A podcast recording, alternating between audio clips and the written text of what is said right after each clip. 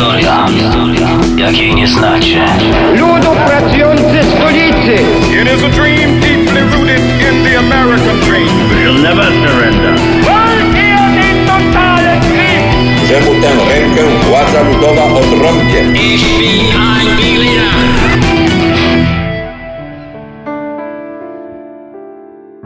Ilość konstytucji regulujących najważniejsze sprawy dla ustroju i społeczeństwa jest w kontekście naszej historii prawdziwie rekordowa. Od Nihilnowi, datowanej na rok 1505, aż do dzisiejszej z roku 1997 możemy ich naliczyć blisko 20. Z czego tylko kilka to akty prawne suwerennie napisane i przyjęte przez nasz naród, część teksty narzucone przez znanych z historii cesarzy i dyktatorów i tylko jedna faktycznie szeroko i formalnie zaaprobowana przez społeczeństwo. Mimo tego, z polskiej tradycji konstytucyjnej możemy być dumni jak mało który naród w Europie. W rozmaitych dziejowych zawieruchach potrafiliśmy często osiągać kompromis i tworzyć całkiem nowoczesne formy ustrojowe. W dziedzinie praw obywatelskich znajdowaliśmy się niekiedy w prawdziwej awangardzie. Jak pokaże nasz nowy cykl podcastów, pomimo stereotypów, stanowienie prawa i ogólnonarodowa zgoda przychodziły nam często lepiej niż prowadzenie wojen czy wygrywanie bitew. Historia Polski to bowiem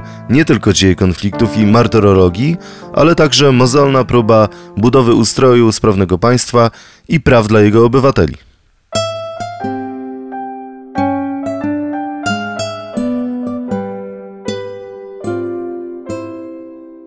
A gościem naszego cyklu jest dr Sebastian Adamkiewicz z Muzeum Tradycji Niepodległościowych w Łodzi, którego z radością witam i od razu przechodzę do najważniejszego pytania.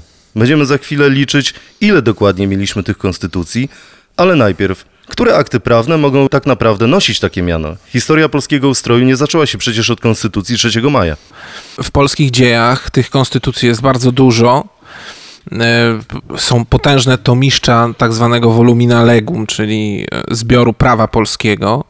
I tam na każdej stronie jest jakaś konstytucja, dlatego że konstytucja w języku staropolskim oznaczało tyle, co ustawa. I warto to wyjaśnić, dlatego że być może ktoś, kto kiedyś trafi do epoki staropolskiej, będzie starał się o niej czytać, to spotka się z różnymi konstytucjami. Przy czym e, warto pamiętać o tym, że to jest znaczenie konstytucji inne niż dzisiaj uważamy. Dzisiaj konstytucją nazywamy tak zwaną ustawę zasadniczą. Ustawa zasadniczą, czyli ustawę, która, od której uzależnione są inne prawa, e, no, uzależnione są również nasze obowiązki. To jest najważniejszy dokument. Jest to taka podstawa prawna, która kieruje mm, różnymi zasadami funkcjonowania państwa. Natomiast w epoce staropolskiej to były różne ustawy. E, Nawet ta najważniejsza ustawa e, nazywana była nie tyle konstytucją, chociaż pojęcie konstytucji też było używane, ale przede wszystkim nazywana była ustawą rządową. Ale jeśli mamy na myśli takie ustawy, które miały gdzieś regulować funkcjonowanie państwa e, w tamtym okresie, to oczywiście kilka takich dokumentów również funkcjonuje. Najczęściej wymienia się wśród takich dokumentów artykuły henrykowskie. E, Wymienia się oczywiście jeszcze wcześniejszą konstytucję Nihilnowi, która jakiś taki fundament funkcjonowania systemu parlamentarnego tworzyła. E, Ale artykuły henrykowskie są już dokumentem szerszym. Oczywiście mówimy o również prawach kardynalnych, które w XVIII wieku e, ukształtowały się, były też takimi e, prawami, zespołem praw też narzucanym przez państwa zaborcze. No i wreszcie faktycznie ta konstytucja 3 maja, ustawa rządowa, która nie miała być e, jedyną ustawą regulującą e, kwestie w państwie, dlatego że planowano uchwalenie jeszcze dodatkowych ustaw fundamentalnych. E, Miała być ustawa dotycząca ekonomii, miała być również ustawa dotycząca taka ogólna, moralna, ogólnomoralna ustawa, która miała właśnie regulować również sprawy związane z funkcjonowaniem państwa. W ten sposób zbliżano się bardziej do ustroju konstytucyjnego panującego w Wielkiej Brytanii, gdzie też przecież nie ma jednej konstytucji, a są różne zbiory praw, które e, regulują ustrój konstytucyjny. Wróćmy może do tego zbioru praw. Konstytucja Nihilnowi, przyjęta już w roku 1505, tworzyła podstawy parlamentaryzmu i państwa opartego na prawie. Rok później był jeszcze statut opracowany przez kanclerza Wielkiego Koronnego i jednocześnie prymasa Jana Łaskiego. Rzeczpospolita była w tym czasie w okresie swojej największej świetności i zamożności, a wiek XVI oznaczał dużą zmianę społeczną w postaci emancypacji średniej szlachty. Warto więc zapytać, czy to był właśnie główny impuls dla rozwoju polskiej tradycji ustrojowej. Polska tradycja ustrojowa to jest e, tradycja spisywania praw. Państwa, które powstają, państwa, które kształtują się w okresie średniowiecza, państwa w Europie Środkowo-Wschodniej, ale nie tylko. W ogóle tradycja kształtowania się państw przede wszystkim polega na tym, że e, w pierwszej kolejności kształtują się jakieś takie prawa zwyczajowe. Prawa zwyczajowe, uzusy i przede wszystkim prawa niespisane. Nikt nie spisuje tych praw, ale one są znane ze względu na to, że są pewną tradycją czy obyczajem. Często obyczajem czy tradycją, które ma jakąś sankcję boską, więc tutaj religia również kształtowania systemu prawnego ma bardzo duże znaczenie. Ma to jednak do siebie to, że z czasem ludzie o pewnych prawach, przywilejach, nakazach zapominają. No siłą rzeczy, jeżeli coś nie jest spisane, mm, to, to to się o tym zapomina. A nawet jeśli jest spisane, jeśli ktoś zapisał jakiś przywilej, jakieś prawo na karcie, no to czasami zdarza się, że ta karta gdzieś umyka, znika, gdzieś zostaje zakopana w jakiejś potężnej skrzyni albo włożona w jakąś księgę i tak naprawdę o danym prawie czy o danym przywileju wszyscy zapominają.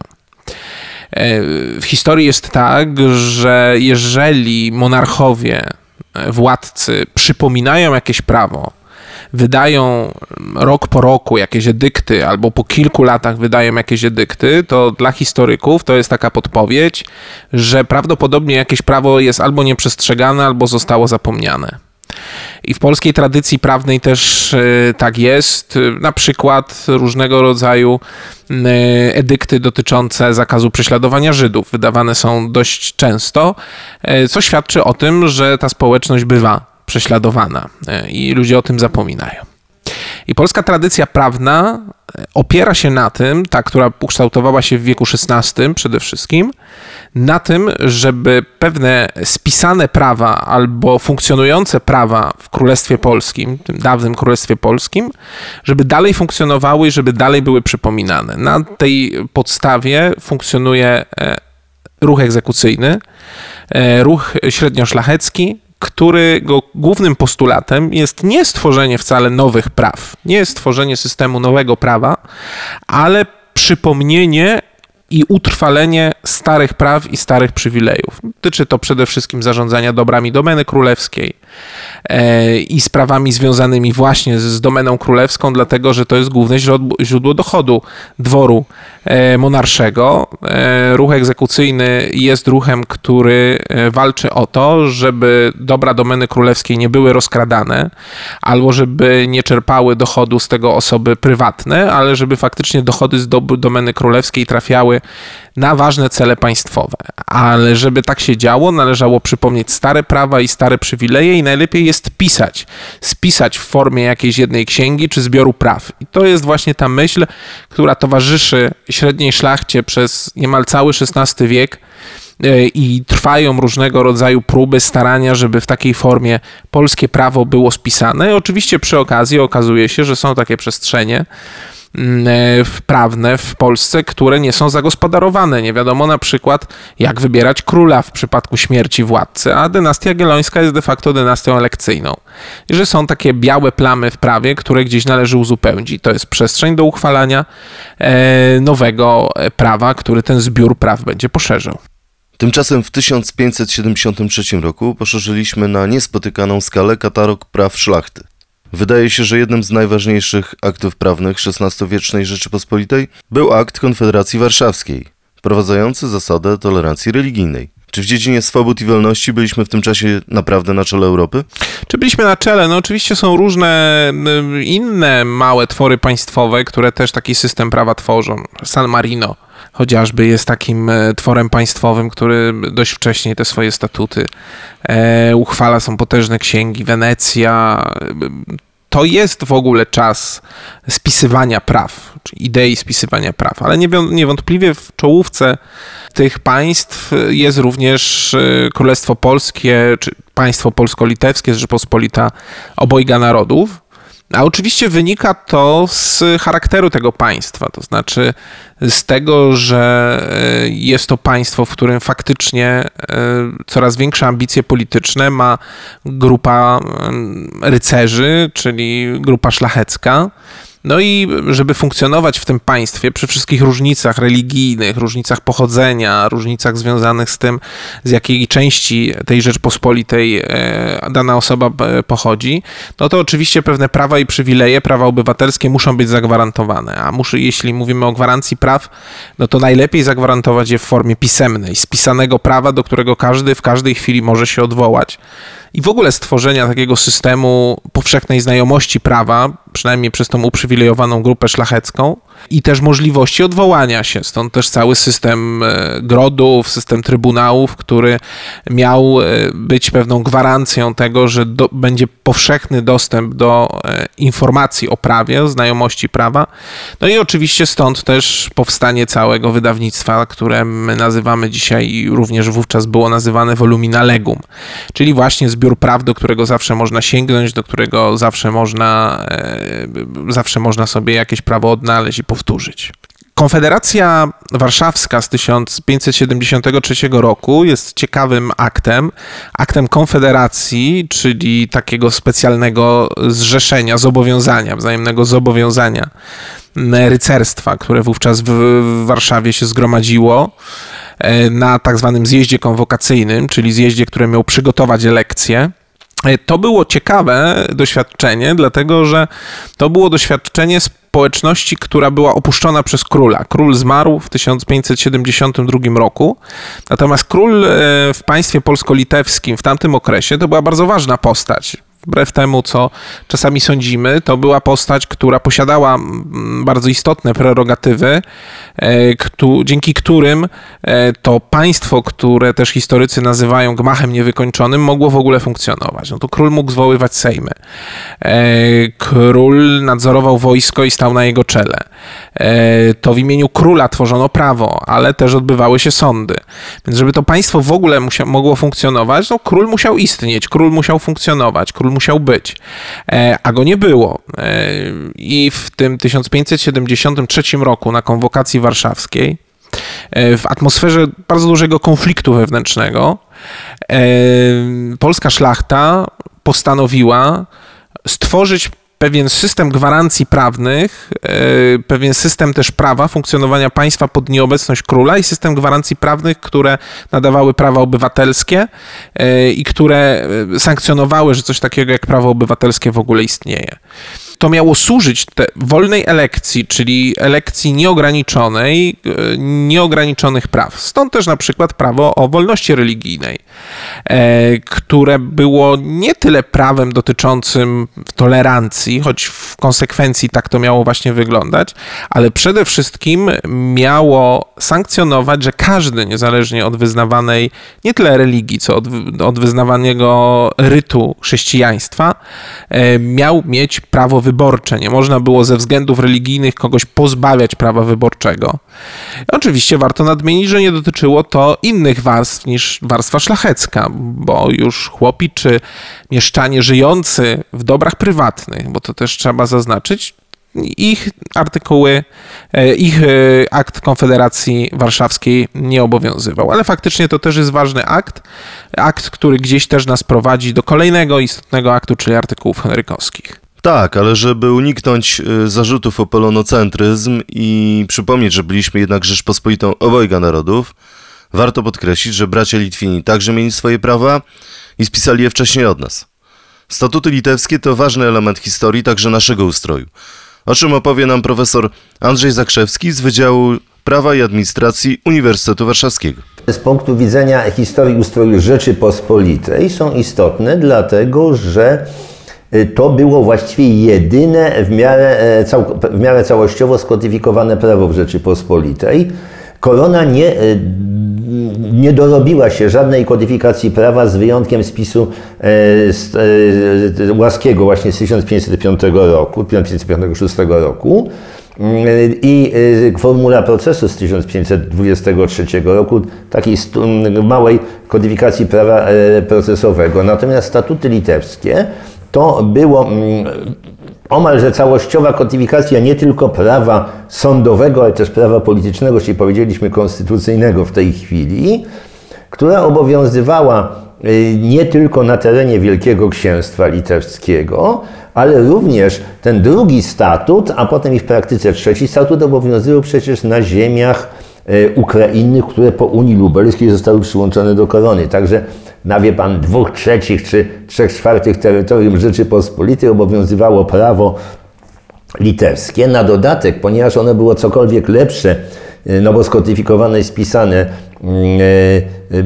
było cokolwiek lepsze niż prawo koronne, w związku z czym było traktowane jako prawo posiłkowe dla koroniarzy. I, I Trybunał Lubelski stosował je dlatego, że Trybunał Lubelski sądził sprawy z tych województw ukrainnych, a oprócz tego, jak nie było wiadomo, na podstawie czego sądzić, to sądzono na podstawie y, statutu litewskiego. Zresztą porywaczy Stanisława Augusta tutaj przecież na Miodowej e, sądzono właśnie na podstawie mm, artykułu o obrazie majestatu. Także to jest ciekawe, bardzo ciekawa kodyfikacja. No, Litwini, Białorusini się tym niesłychanie chlubią.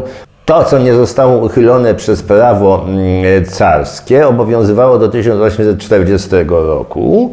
Natomiast wcześniej, tam w 1930 to i owo mm, uchylono. Natomiast pewne elementy funkcjonowały do wielkiej socjalistycznej rewolucji październikowej w guberni czernichowskiej i siewierskiej, dlatego że tam były prawa lokalne oparte na statutach litewskich. Z mowy Mikołaja Siennickiego na zjeździe elekcyjnym. Gdyby nie było innych przykładów, samo życie i obyczaje nieboszczyka króla są niezbitymi dowodami potrzeby zmian lub pomnożenia swobód i ściślejszego osłabienia władzy królewskiej. Jeżeli król będzie także samowolny, zrobi, że będą ostatnie grosze, niżeli pierwsze i cały porządek społeczny wykoślawi, stanie się zaś łagodniejszym, gdy zostanie ocuglowanym. Nie królem, lecz porządkiem stoi każda Rzeczypospolita. Nie na królu, lecz na prawie się opiera. Mikołaj Sienicki, nazywany przez profesora Stanisława Grzybowskiego Demostenesem Rzeczypospolitej, to postać mało znana i praktycznie nie pojawiająca się w podręcznikach historii. Dlaczego powinniśmy pamiętać o tym, nie bójmy się użyć tego słowa, pierwszym polskim polityku? No, na pewno pierwszym polskim e, polityku, parlamentarzyście, który był, wykraczał poza przeciętność. Oczywiście funkcjonowali też wybitni politycy wcześniej, e, których należy takim mianem określić. Natomiast to faktycznie był parlamentarzysta, e, który no ponad przeciętność się wybijał. To był człowiek pochodzący z no, średniej szlachty, ze średniej, nawet w początkowej swojej karierze z drobnej szlachty. Człowiek, który e, stał się przywódcą ruchu egzekucyjnego, cieszył się ogromnym zaufaniem E, w latach 50. i 60. XVI e, wieku e, pełnił kilka razy funkcję marszałka Izby Poselskiej, a funkcja marszałka Izby Poselskiej była bardzo istotna, dlatego że to był człowiek, który po pierwsze nie tylko kierował obradami Izby, ale na jego głowie spoczywało reprezentowanie Izby wobec Senatu i wobec króla a jeśli reprezentowanie wobec Senatu i wobec króla, to również ucieranie kompromisu na sali Izby Poselskiej. To od niego zależało i to on miał taką władzę nad salą Izby Poselskiej, żeby jakoś te racje próbować pogodzić. To od niego zależało wypracowywanie również kompromisu właśnie na sali Izby Poselskiej. To jest bardzo ważna funkcja w ówczesnym parlamentaryzmie. To był człowiek, który dzięki swoim przemowom, bo to jest miano Demostenesa, to znaczy jego fantastyczne przemowy, bardzo klarowne, bardzo emocjonalne, ale oddające jakby sedno myślenia o ustroju Rzeczpospolitej, e, no właśnie spowodowały, że historycy zaczęli go nazywać Demostenesem od właśnie imienia tego słynnego greckiego mówcy, oratora, bo faktycznie Sienicki też takim był. E, zresztą to jest też człowiek, który wiele pojęć prawnych tłumaczył na język polski. wymyślał, jak w języku polskim powinny pewne kwestie prawne być nazywane dotyczące spraw ustrojowych. To był człowiek też z pewnym bardzo konkretną ideą e, parlamentaryzmu, e, ideą w państwa, w którym parlament odgrywa niezwykle ważną rolę, bo jest reprezentacją społeczeństwa. Oczywiście społeczeństwa ograniczonego do szlachty, ale mimo wszystko e, no, pewnej społeczności obywateli. Odegrał bardzo ważną rolę także w czasie Wielkiego Bezkrólewia, zwłaszcza na początku pierwszego i drugiego Bezkrólewia po śmierci Zygmunta Augusta. Zmarł prawdopodobnie w latach 80. Mm, zgromadził niewielki majątek, ale pozwalający mu na e, dość dobre życie. E, ale człowiek, który niewątpliwie w historii polskiego parlamentaryzmu, a zatem i w historii Polski powinien być właśnie zapamiętany jako taki e, polityk zupełnie wyjątkowy, twórca polskiego języka prawnego, ale też teoretyk ustrojowy, który gdzieś ten ustrój dawnej Rzeczypospolitej kształtował, bo uczestniczył i odgrywał bardzo ważną rolę w różnych istotnych wydarzeniach w XVI stuleciu. A był to czas, w którym Rzeczpospolita była jednym z najpotężniejszych państw w Europie. Ruch, za którym stał się Nicki, prowadził de facto do wzrostu znaczenia szlachty i zyskania przez nią podmiotowości. Tylko, że demokracja szlachecka stawała się niebezpiecznym perpetuum mobile. I wiemy, jak to się skończyło w wieku XVIII. Tylko które mechanizmy sprawiły, że rzeczywistość między Dnieprem a Wisłą zaczęła przypominać karykaturę państwa? Postanowiliśmy zapytać o to profesora Andrzeja Zakrzewskiego. Huh, wie pan, to jest fundamentalne pytanie. Dlaczego, dlaczego nie została monarchią absolutną, absolutyzmem oświeconym? No bo, no bo szereg czynników na to e, wpłynęło.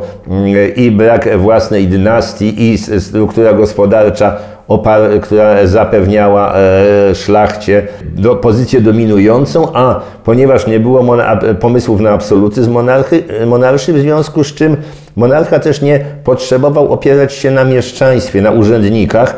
Właściwie to, że e, e, Polska nie rządem stoi, to nie znaczy, że nie stoi bałaganem, tylko nie, e, niepotrzebna była nowoczesna administracja. Niejako dlatego, że to były samorządowe struktury szlacheckie, które doskonale się mm, sobie radziły.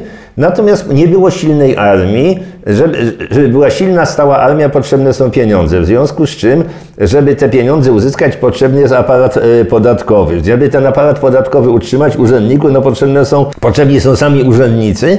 I y, taką y, możliwością było właśnie oparcie się na e, mieszczanach. Ale monarcha tego nie potrzebował, nie miał, nie miał e, takich, takich możliwości, w związku z czym dominował stan szlachecki. I tyle. No, wie pan, w wieku XIX, XX bardzo długo e, potępiano ten brak e, absolutyzmu w Rzeczypospolitej. No, a w tej chwili od parudziesięciu lat jest, można powiedzieć, zauważa się ten drugi aspekt, e, duże swobody jednostki, oczywiście obywatela. Tych obywateli szlacheckich to mniej więcej 6% ogółu społeczeństwa. Oczywiście, wie pan, na Żmudzi tej szlachty było 20%, na Mazowszu pewnie też tyle ale tak w skali całej Rzeczypospolitej to było około 6% i oni rzeczywiście mieli te swobody obywatelskie, jak na ówczesną Europę, bardzo przyzwoite. I tu przenosimy się w czasie, pomijając ulubiony przez Sienkiewicza i polskie kino historyczne wiek XVII, bo po tych wszystkich wojnach, potopach i odsieczach obudziliśmy się w XVIII wieku w kraju, w którym panowała po prostu anarchia? Czy panowała anarchia? Niewątpliwie po pierwsze panowało takie przekonanie, że skoro Polskę ominęły te wszystkie, wszystkie nieszczęścia, no to znaczy, że nasz ustrój jakoś funkcjonuje. Nawet jeżeli dostrzegamy jakieś jego negatywne cechy, no to oczywiście fakt, że Rzeczpospolita e, te wszystkie powodzie przetrwała, to oznacza, że ustrój jako tako istnieje i przed tymi powodziami nas broni. Oczywiście z perspektywy czasu wiemy, że to przekonanie było błędne, ale niewątpliwie takie, e, tak, tak, takie było. O czym świadczy fakt, że ten chyba najciemniejszy okres e, w historii Rzeczpospolitej obojga narodów, czyli okres rządów dynastii Wettynów, kiedy faktycznie zarówno na polu międzynarodowym, jak i wewnętrznym Polska stała się trochę takim przedmiotem, po pierwsze przedmiotem walki pomiędzy mocarstwami, a również wewnętrznie była niezwykle rozbita, nie funkcjonował, w zasadzie nie funkcjonował parlament. te funkcje parlamentu przejmowały jednostki samorządowe, e, jednostki ziemskie e, różnego rodzaju. Faktycznie mamy więc sytuację bardzo głębokiego kryzysu państwa. Z drugiej strony, kiedy przychodzi wiek, końcówka wieku XVIII, no to Polacy okazuje się, że najbardziej najmilej wspominają Wettynów. E, zresztą to jest też czas rozkwitania polskiej kultury, budowy wspaniałych pałaców, kwitu prywatnych fortun, e, pomimo coraz gorszej sytuacji ekonomicznej, globalnej sytuacji ekonomicznej, więc e, widzimy tu pewną dwoistość. Z jednej strony dwoistość wynikającą właśnie z tego zadowolenia czasami, które są wokół nas, a z drugiej strony pogłębiających się kryzysów w różnych dziedzinach życia. E, chociażby w organizacji wojska, w dziedzinie ekonomicznej, e, ale również w dziedzinie politycznej, czyli kompletnego rozkładu ustrojowego, polegającego na tym, że parlament tracił swój autorytet, polegającym na konflikcie dwóch e, silnych stronnictw politycznych, z jednej strony stronnictwa Potockiego, e, Potockich, z drugiej strony stronnictwa czartoryskich, czyli tak zwanej familii, co uniemożliwiało jakikolwiek zmianę ustrojową w państwie, a co z kolei skłaniało również państwa zaborcze do tego, żeby w kwestie polskie e, ingerować. Ale to jest też nasza wiedza z perspektywy czasu, kiedy widzimy też, jak pewne procesy się zaczynały i jak pewne procesy się zakończyły.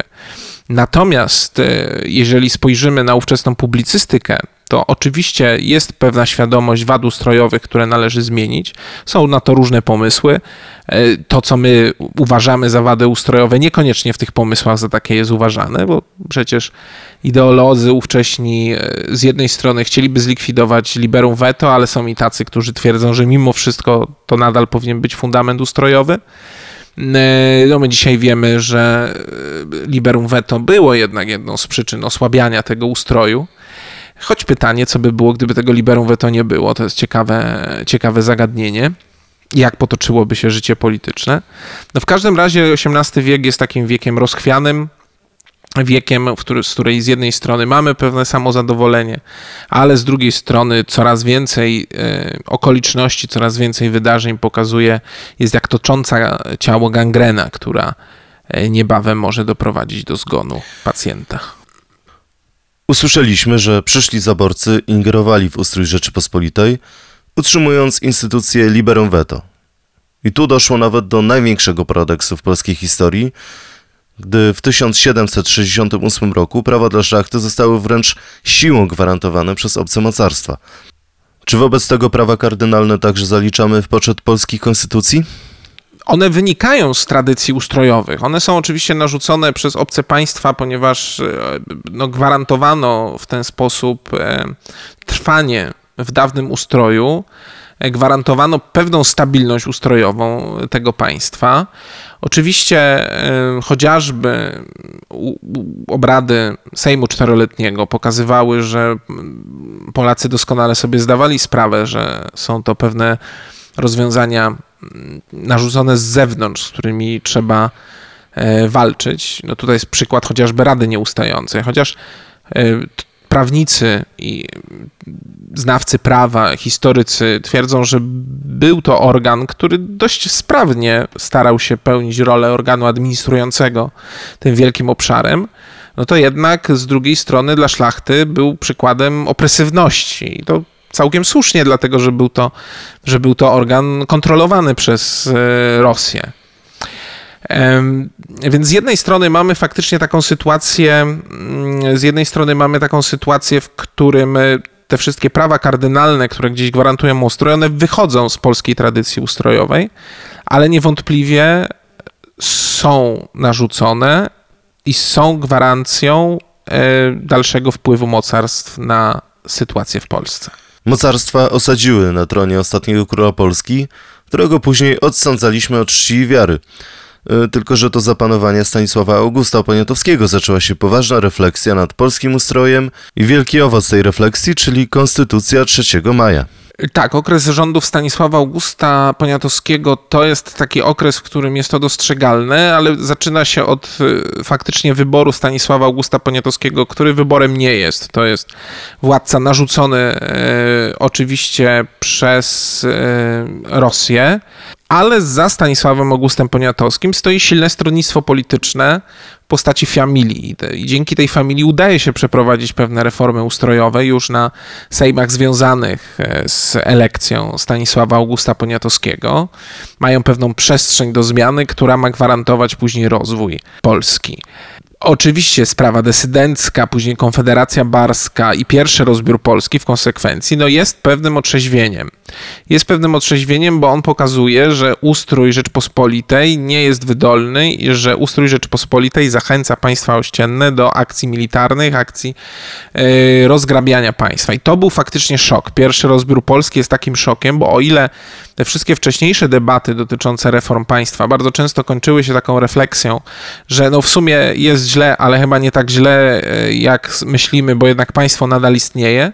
O tyle pierwszy rozbiór Polski był bardzo wyraźnym sygnałem, że coś jest bardzo nie tak ale z drugiej strony Polacy nie mieli w sobie siły, żeby po pierwsze wyrwać się z protektoratu rosyjskiego, czego efektem była klęska konfederatów barskich i nie miała też chyba siły na bardzo radykalną reformę. No, ta szansa pojawiła się dopiero w okolicach lat 90.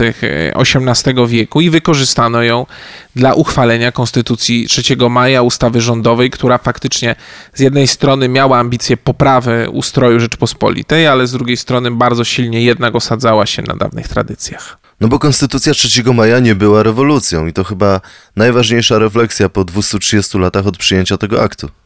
On był przede wszystkim pewnym podsumowaniem e, tych rozwoju polskiego ustroju w, e, od XVI do XVIII wieku. Korzystał z tych e, doświadczeń. Czasem pewne rzeczy zmieniał, tak jak chociażby idea jednomyślności, która została zakwestionowana przez zapisy ustawy rządowej z 1791 roku. E, była również rewolucją, jeśli chodzi o chociażby o rozumienie praw obywatelskich. Prawa obywatelskie od tej pory nie miały wynikać wyłącznie ze szlachetności, szlacheckości, pochodzenia, ale otwierała się również na e, prawa obywatelskie wynikające chociażby z posiadanego majątku w pewnym sensie też prawa obywatelskie otrzymywali e, mieszczanie, choć też nie wszyscy. I była pewna nadzieja na otrzymanie praw obywatelskich przez chłopów. Więc to, jest, to, to, to, to są pewne też doświadczenia e, ustrojowe, które są e, stawiane w kontrze wobec dotychczasowych, dotychczasowego sposobu myślenia. Ale z drugiej strony ten centralny charakter parlamentu, parlamentu już nie tylko okazyjnego, ale ciągłego, to, że w parlamencie wiele spraw miało się rozstrzygać, że parlament miał mieć te funkcje kontrolne nad e, władzą, władzą centralną. To wszystko jest tradycja dawnej Rzeczpospolitej i z tej tradycji dawnej Rzeczpospolitej konstytucja wypływa jest też pewnym testamentem dawnej Rzeczpospolitej. Testamentem, czyli takim ostatnim aktem woli, aktem woli, który łączył w sobie pewne nowoczesne rozwiązania, jednak z, pewnymi, z pewnym sposobem myślenia, nie, po pierwsze nieco anachronicznym, a po drugie oddającym dotychczasowe formy ustrojowe dawnej Rzeczpospolitej. Ustawa rządowa z dnia 3 maja 1700 91 roku. Uznając, iż los nas wszystkich od ugruntowania i wydoskonalenia Konstytucji Narodowej jedynie zawisł, długim doświadczeniem poznawszy zadawnione rządu naszego wady, a chcąc korzystać z pory, w jakiej się Europa znajduje, i z tej dogorywającej chwili, która nas samym sobie wróciła, wolni od hańbiących obcej przemocy nakazów, ceniąc drożej nad życie, nad szczęśliwość osobistą, egzystencją polityczną, niepodległość zewnętrzną i wolność wewnętrzną narodu, którego los w ręce nasze jest powierzony, chcąc oraz na błogosławieństwo, na wdzięczność współczesnych i przyszłych pokoleń zasłużyć, mimo przeszkód, które w nas namiętności sprawować mogą, dla dobra powszechnego, dla ugruntowania wolności, dla ocalenia ojczyzny naszej i jej granic z największą stałością ducha niniejszą konstytucję uchwalamy. I tę całkowicie za świętą, za niewzruszoną deklarujemy, dopóki by naród w czasie, prawem przepisanym, wyraźną wolą swoją nie uznał potrzeby odmienienia w niej jakiego artykułu, do której to konstytucji dalsze ustawy Sejmu teraźniejszego we wszystkim stosować się mają. No i mamy tę pierwszą e, nowoczesną w miarę konstytucję mm, 3 maja, która e, spełnia właściwie e, no, już współczesne kryteria, a więc jest to akt nadrzędny, bo to dość wyraźnie widać. Jest to akt trwały, dlatego że on miał być co 25 lat zmieniany. Także to już jest coś takiego nowoczesnego, a z drugiej strony oczywiście był to akt pełen, był to pewien kompromis. Konstytucja to jest raptem 11 artykułów, które miały zareklamować nowy ustrój, nie odstraszyć warstw e, przerażonych od e, reform. Dlatego tam na przykład nie ma nic o, nic o chłopach e, specjalnego, jakieś takie drobne wzmianki może są, ale nic konkretnego. Sprawy dotyczące mieszczan są umieszczone w, e, w ustawie miasta nasze królewskie. E, Także ta konstytucja majowa jest na pewno godna wzmianki, tylko od razu tu muszę powiedzieć, że raz do roku koło początku maja przez nasze media i wystąpienia polityków. Przewija się wątek, że druga na świecie i pierwsza w Europie konstytucja spisana, to oczywiście nie jest prawda, dlatego że mamy konstytucjonę Paolina korsykańską z 1755 roku, mamy te trzy regeringsform szwedzkie, Także w Europie to na pewno nie była pierwsza spisana konstytucja, a mm, zresztą y, natomiast jest to pewien element tego, że y, myśl y, polityczna, konstytucyjna Rzeczypospolitej mieściła się w nurcie europejskim, no bo Stanisław August Poniatowski był miłośnikiem ustroju angielskiego i wyraźnie temu się przyglądano.